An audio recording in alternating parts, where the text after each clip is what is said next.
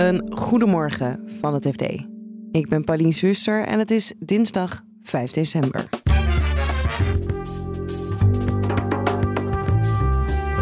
De animo van boeren om zich uit te laten kopen lijkt vrij groot.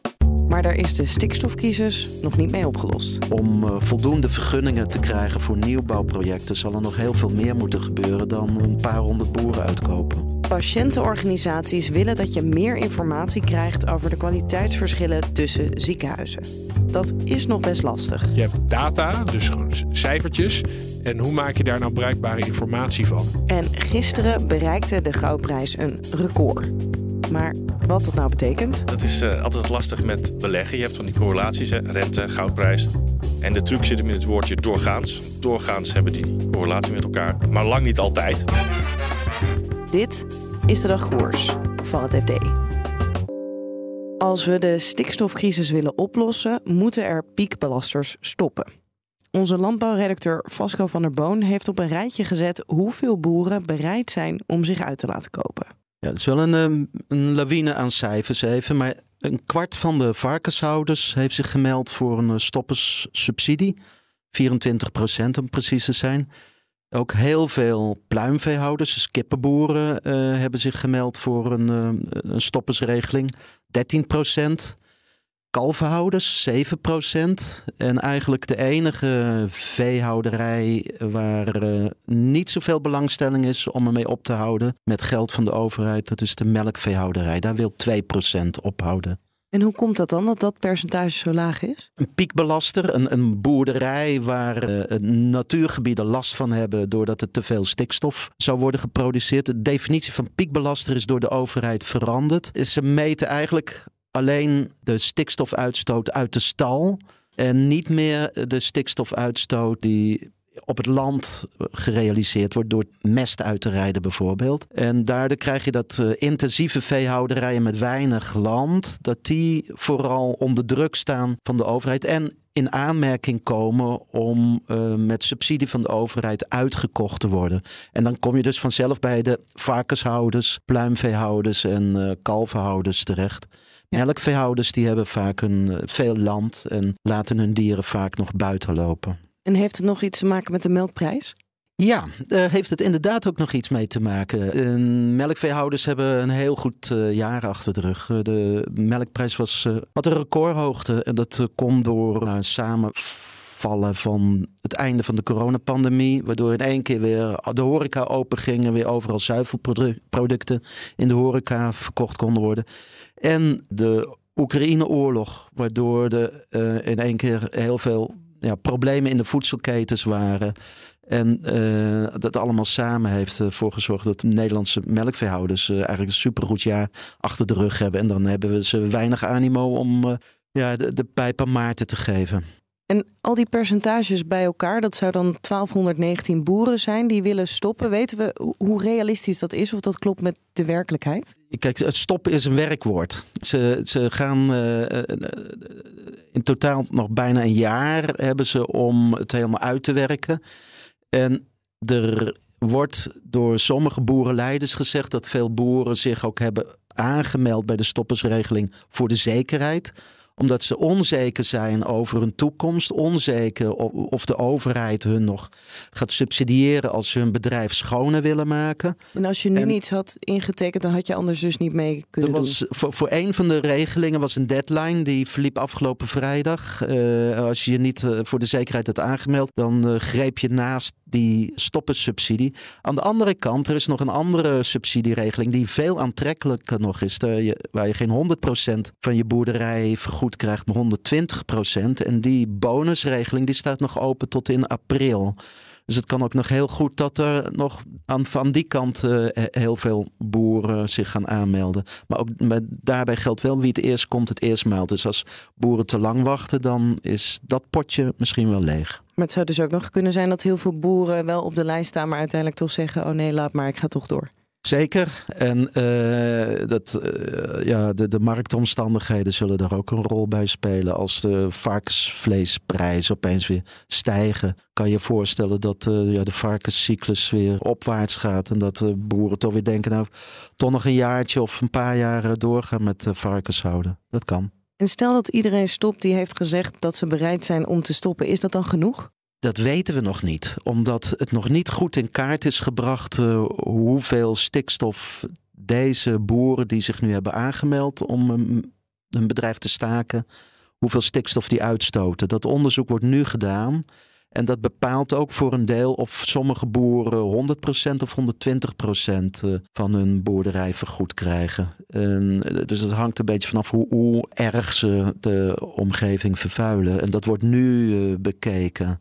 De stikstofcrisis is heel groot. Om uh, voldoende vergunningen te krijgen voor nieuwbouwprojecten zal er nog heel veel meer moeten gebeuren dan een paar honderd boeren uitkopen.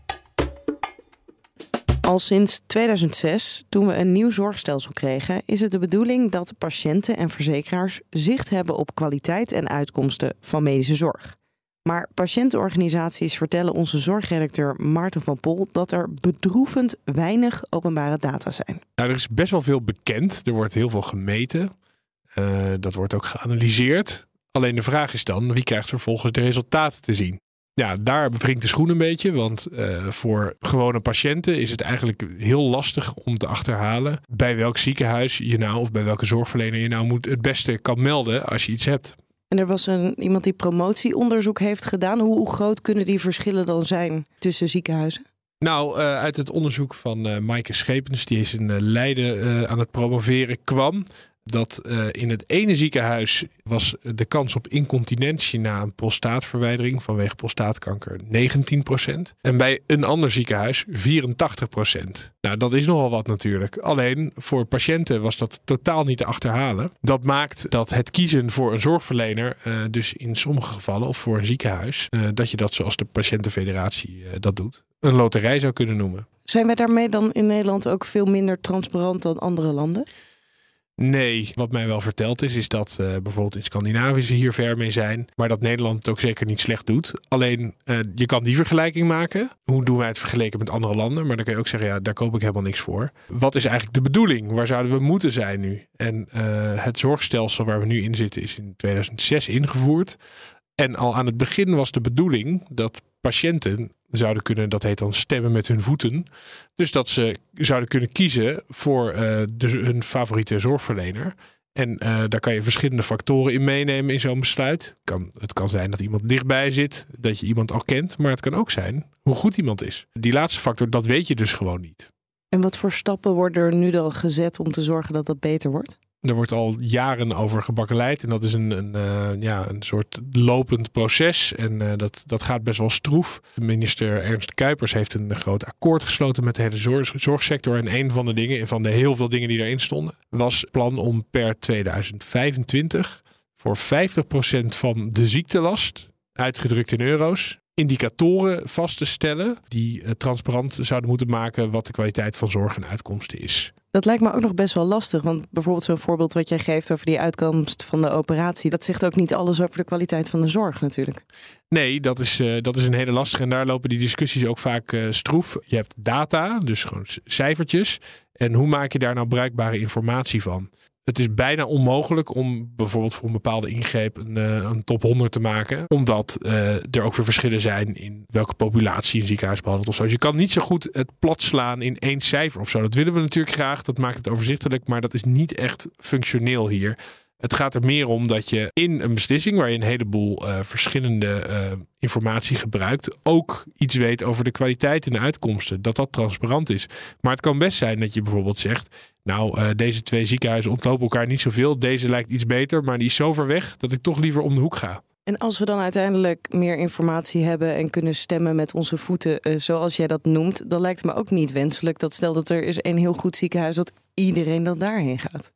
Nee, dat, uh, dat zou ook niet kunnen. Uh, dat kan geen enkel ziekenhuis aan in één keer alle ingrepen op een bepaald, uh, op een bepaald vlak doen. Dus er is ook niemand die zegt hop, morgen alles online. Ook omdat je dan dus voor heel veel mensen eigenlijk onmogelijk te interpreteren data krijgt. Het zou in ieder geval helpen als in de spreekkamer met je eigen dokter bijvoorbeeld meer beschikbaar komt. En dat het dan met jou besproken wordt. Dat is ook wel het streven, maar daar zijn we dus nog lang niet. Ja, en je kan je ook voorstellen dat die transparantie ook wel een prikkel is om te verbeteren voor de ziekenhuizen die kennelijk achterlopen. En dan hoeft het niet meteen zo te zijn dat uh, nou, de inspectie de volgende dag op de stoep staat en zegt jij moet ermee stoppen. Maar veel meer komt dan de vraag op hoe dat eigenlijk kan dat die verschillen zo groot zijn. En als je weet wie het wel heel erg goed doet, of veel beter dan jij, dan is dat natuurlijk een prikkel om langs te gaan om te kijken hoe dan. Wat, waar dat verschil in zit. En dat is natuurlijk wel een hele wenselijke uitkomst van meer transparantie.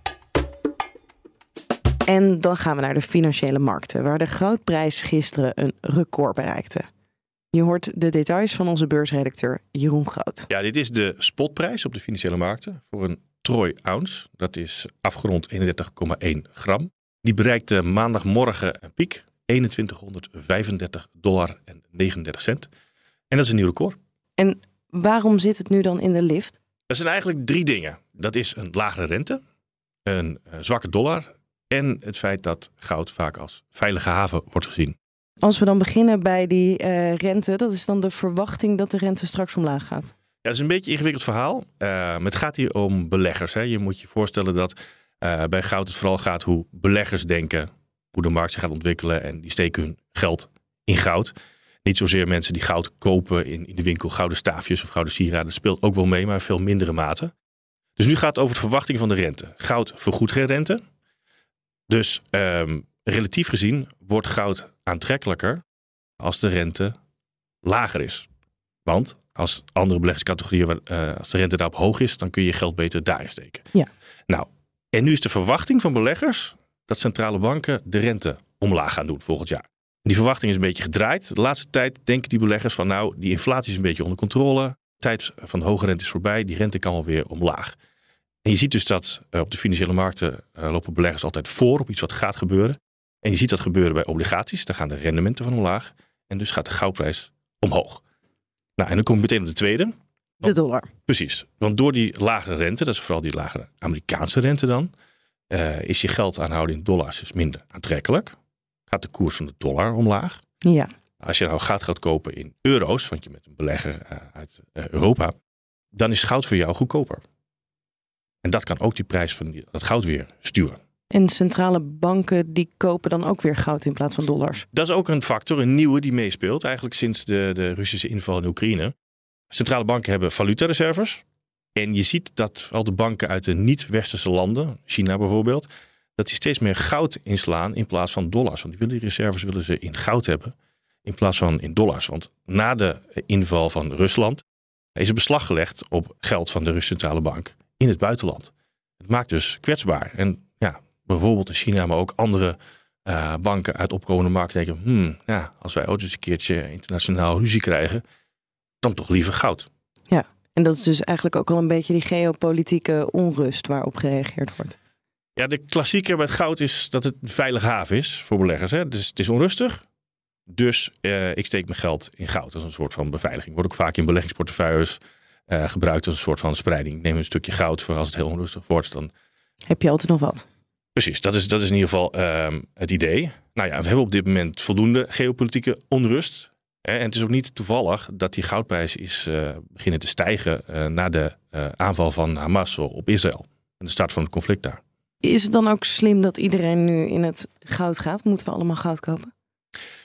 Ja, als het zo makkelijk was, dan, uh, dan stond ik hier niet. Dat is uh, altijd lastig met uh, beleggen. Je hebt van die correlaties, hè? rente, goudprijs. en de truc zit hem in het woordje doorgaans. Doorgaans hebben die die correlatie met elkaar. Maar lang niet altijd. Tijdens de pandemie bijvoorbeeld is die goudprijs, daar stamt het vorige record uit. Maar dat gebeurde wel pas nadat iedereen eerst massaal op de Amerikaanse dollar was gedoken. En als je toen in goud zat, had je helemaal niet zo'n goede positie, terwijl er wel hele grote paniek was. Ja. En ja, dit is allemaal voor een groot deel gebaseerd op de verwachting van beleggers dat centrale banken de rente omlaag zullen gooien. Snel, volgend jaar. Ja, moet dat wel gebeuren? Moet wel gebeuren, ja. Uh, dat ligt weer aan de inflatie. Nou, de inflatie die daalt inderdaad. Maar als we een nieuwe inflatieschok krijgen, waardoor die inflatie weer heel erg uh, stijgt, ja, dan blijft die rente ook hoog. En die centrale bankiers die, die waarschuwen ook van ja, je moet er niet te veel van uitgaan. Dus blijft een beetje koffiedik kijken.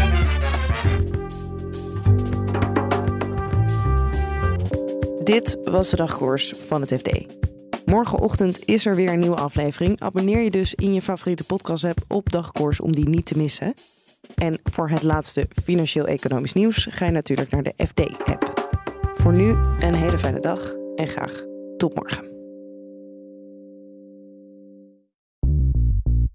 BNR ben je altijd als eerste op de hoogte van het laatste nieuws. Luister dagelijks live via internet. Jelle Maasbach. Wesley Weert. We zijn er voor je met het leukste, opvallendste, maar natuurlijk ook het belangrijkste nieuws. Tijdens de presentatie van die halfjaarcijfers toen die beurskoers in elkaar kukkelde. BNR Beurs. Voor de slimme belegger. Blijf scherp en mis niets.